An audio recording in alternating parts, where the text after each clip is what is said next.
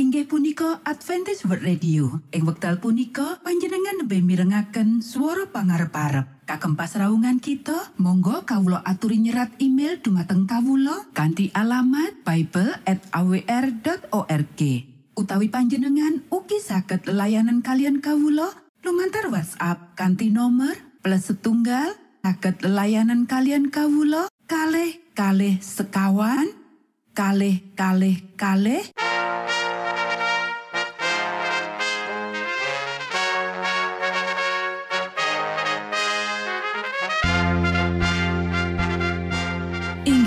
punika Adventist World Radio ingkang giaran kanti basa Jawi.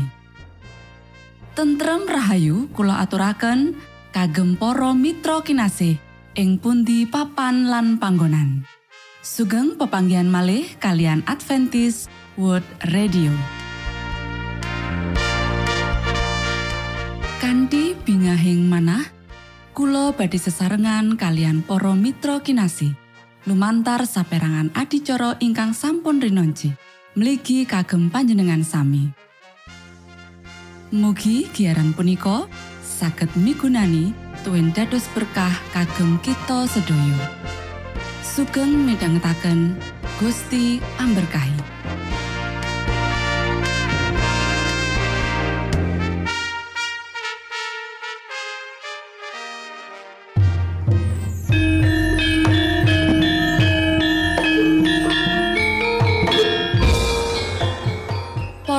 Pamirsa kinasih ing Gusti Yesus Kristus. Ing wekdal punika kita badhe sesarengan ing adicara ruang kesehatan. Ingkang saestu migunani kagem panjenengan saha kita sami. Tips utawi pitedah ingkang dipun aturaken ing program punika tetales dawuhipun Gusti ingkang dipunnyatakaken ing kitab suci. Semanten ugi sakehing seratan ingkang dipun wangsitaken dening Gusti Allah. Nanging saderengipun, monggo kita sami midhangetaken kidung pujian.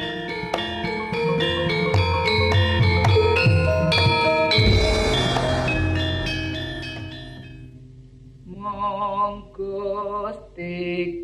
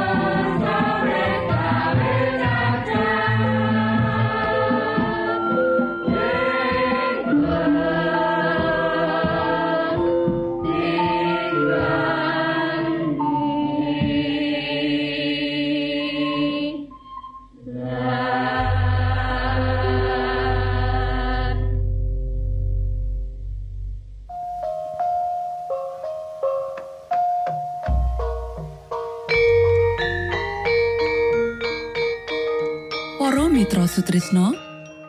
Puji syukur dumateng Gusti ingkang murbeng dumati ingkang sampun kepareng paring wewenngan kagem kita. Satemah saged nglajengaken ruang kesehatan. Pirembakan kita semangke kanthi irah-irahan. Milih panganan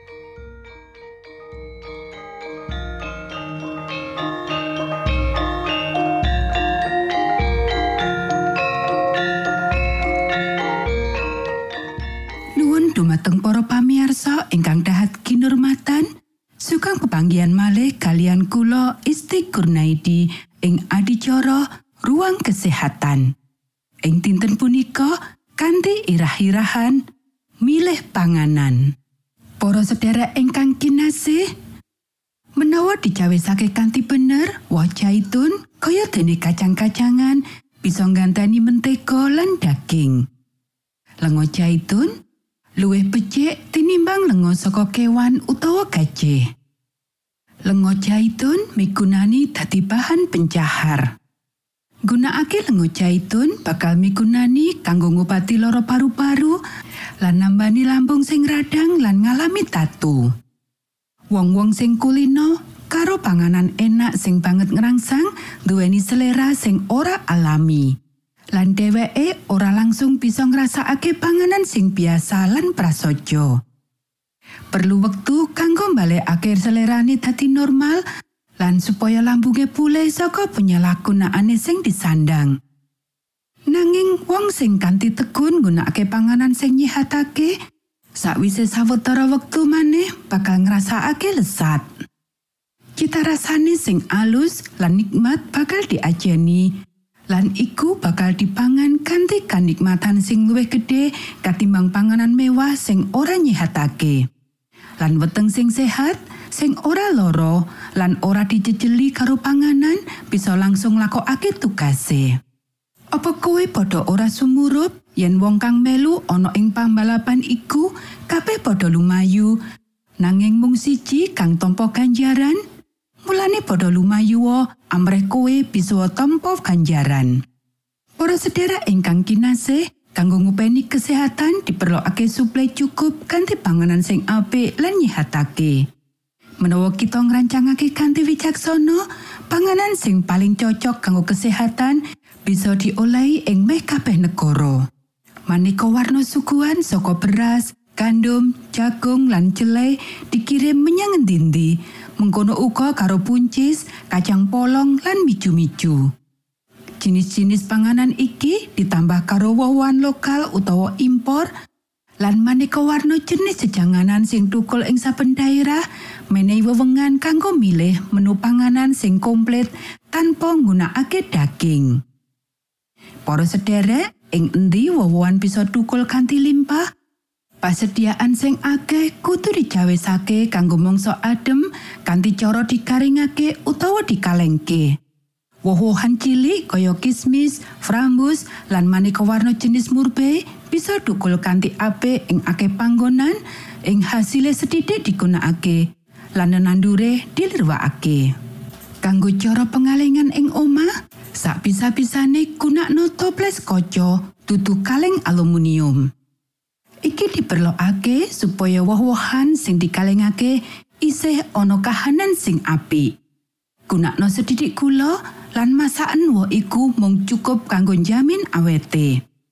Menawa disiapake kanthi cara mangkono, mula woh-wohan iku mujudake pengganti sing paling apik kanggo woh seger. Ing ngendi woh-wohan sing wis digaringke bisa dituku kanthi rega pantes kaya kismis, prem, apel, pir, persik, lan aprikot bakal dientuki menawa woh-wohan iku bisa didadekake menu saben dina kanthi luwih bebas kanthi hasil sing paling apik kanggo kesehatan lan kebugaran kabeh golongane wong kang makaryo. Para sedherek ingkang kinasih, ojo kakean macem panganan sakjroning mangan ping pisan. Merga bab iki condong nyurung wong akeh mangan lan jalari gangguan pencernaan. Ora apik mangan woh-wohan lan sayuran ing wektu bebarengan. Menawa pencernaan ringkih, mula nyantap loro-lorone asring bakal nyebabake kangelan lan ora bisa kanggo nggunakake kapisan mikir. Luwih becik mangan woh-wohan ing sawijining wektu mangan lan mangan jejanganan ing wektu mangan liyane.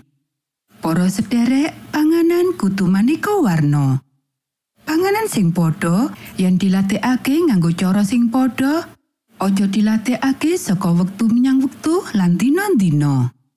Panganan bakal didahar kanthi ati seneng lan awak nyerep kanthi luwih apik menawa panganan iku maneka warna.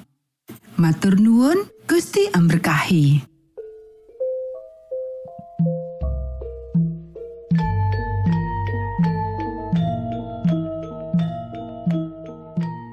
Cekap semanten pimbakan ruang kesehatan ing episode dinten punika. Ugi sampun kuatos jalaran kita badhe pinanggih malih ing episode sak lajengipun.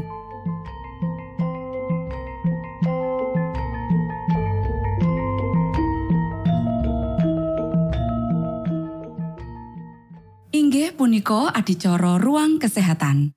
Menawi panjenengan gadah pitakenan utawi ngersakaken katrangan ingkang langkung, monggo kulo aturi. Kinton email dateng alamat ejcawr gmail.com utawi lumantar WhatsApp kanti nomor 025 pitu 00 songo songo papat 00 pitu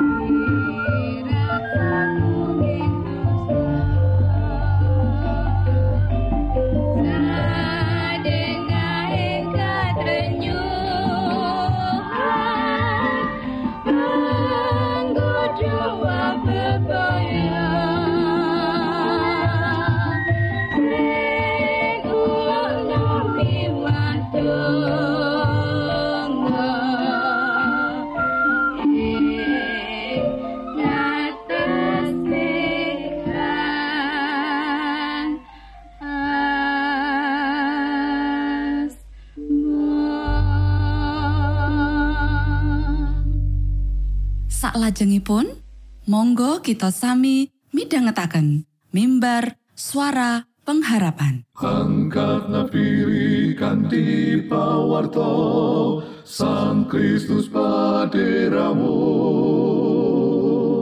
Pro umat samyo puji asmanyo Sang Kristus paderamu Inggih punika mimbar suara pengharapan. Ing episode punika kanthi irah-irahan. Sabtanipun Gusti Allah pepadang kita. sugeng minangka tondo Sang Kristus paderamu ilmu kawero tambah tambah Sang Kristus paderamu paderamu paderamu Sang Kristus paderamu Shalom. Para pamirsa ingkang kinasih wonten ing Gusti, sak menika kita badhe mitangetaken renungan Sabto pangantikanipun Gusti. Ing dinten punika kanthi irah-irahan Sabdanipun Gusti Allah pepadang kita. Para sedherek ingkang kinasih, Sabdo pangandikanipun Gusti ing kitab Sabur pasal 119 ayat 100 gangsal inggih punika Pangantika patuko menika dados tilah ing ngajeng suku kawula sarta dados pepadang tumraping margi kawula. Para sedherek ingkang kinasih, kula pikantuk dawuh saking Gusti Allah kagem titah ingkang ngaken mitadosi kaleresan kagem wekdal sakmenika. Kitab suci menika swantenipun Gusti Allah kagem titahipun. Sinami kekilut Sabtu Gesang, kita ketah enget bilih Gusti Allah nembe ngendika dumateng titahipun lumantar sabdanipun. Kita ketah ndadosaken sabda dados wewarah kita. Menawi kita ngrumaosi wigatosipun niti preksa kitab suci, temtunipun kita badhe langkung sregep ngekilutipun. Kitab suci badhe kawaos lan dipun kilut-kilut dados bukti ingkang temtu saking kersanipun Gusti Allah dumateng kita. Kitab suci ketah dipun kilut-kilut kanthi karsa ingkang mirunggan. Amargi ngadeg kawigatosan ingkang paling aos ingkang saged dipun gadai dening titah wantah. Nedahaken margi ing pundi kita ketah cecawis kagem kerawuhanipun putraning manungsa ing mega. Miratosa lan ngrasakaken jubah kapribatosan pedhak ingkang badhe maringaken kita kepantesan lumebet kraton ingkang rumiyin Sang Kristus ngendikaaken dumateng siswa-siswanipun badhe dipun cawisaken. Para sedherek ingkang kinasih, menawi kita boten nampi sabdanipun Gusti Allah dados dedaharan kita, kita badhe kecalan pondo paling ageng ingkang dipun cawisaken kagem priya lan wanita amargi sabda menika wartos dumateng saben lan sedaya jiwa. Menawi dipun tindakaken, menika maringi pagesangan karohanen lan kegiatan. Ilidipun karohanen ingkang murni, ingkang lumebet pagesangan salebetipun pengalaman ingkang gesang, menika pagesangan langgeng kagem ingkang nampi. Para sederek, sabdanipun Gusti Allah menika pepadang kita. Menika warta Sang Kristus dumateng ahli warisipun ingkang sampun kapundhut kanthi rahipun. Sinerat dados pitudah kagem kita. Menawi kita ndamel sabda menika dados wewaler kita, pramila kita boten badhe lumampah wonten ing margi ingkang boten jamak. Pagesangan karohanen kawangun saking dedaharan ingkang dipun paringaken dumateng penggalih kita lan menawi kita ngrahapi dedaharan ingkang dipun cawisaken wonten salebetipun sabdanipun Gusti Allah kasarasan mental lan karohanen dados pituasipun. Para sedherek ingkang kinasih, kita sowang-sowang nemtokaken nasib langgeng kita. Lan menika gumantung sawetahipun dumateng kita, menapa kita badhe nampi pagesangan langgeng menika menapa boten. Menapa kita badhe ngesangaken pasinaon ingkang dipun paringaken saklebetipun sabdanipun Gusti Allah, buku pasinaon Sang Kristus ingkang ageng menika? Menika buku pasinaon ingkang paling agung, paling prasaja lan gampil dipun mangertosi ingkang nate dipun cawisaken kagem manungsa.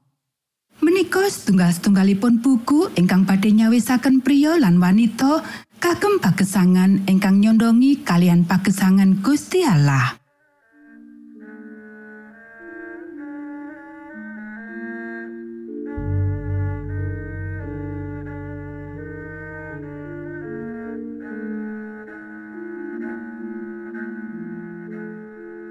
Para Mitra Sutrisno pamiarsa kinasih ing Gusti Yesus Kristus.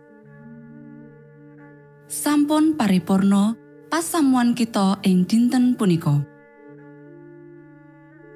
Menawi panjenengan gadah pitakenan utawi ngersakaken seri pelajaran Alkitab suara nubuatan Monggo Kulo aturi kintun email dateng alamat ejcawr gmail.com utawi lumantar WhatsApp kanti nomor 025 pitu 00 songo songo papat 00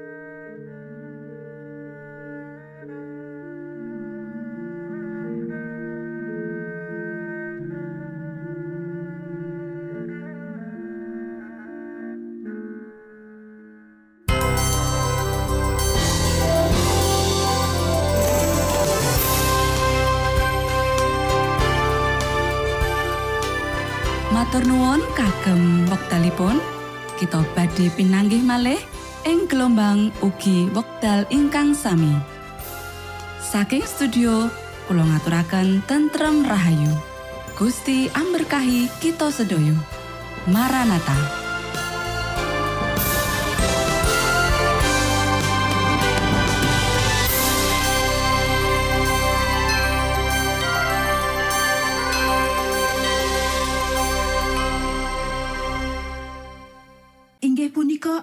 Adventist Radio. Ing wekdal punika panjenengan lebih mirengaken suara pangarep-arep. Kagem pasraungan kita, monggo kawulo aturi nyerat email dumateng kawulo kanti alamat bible@awr.org. Utawi panjenengan ugi saged layanan kalian kawulo lumantar WhatsApp kanti nomor plus setunggal saged layanan kalian kawulo kalih kalih sekawan kalih kalih kalih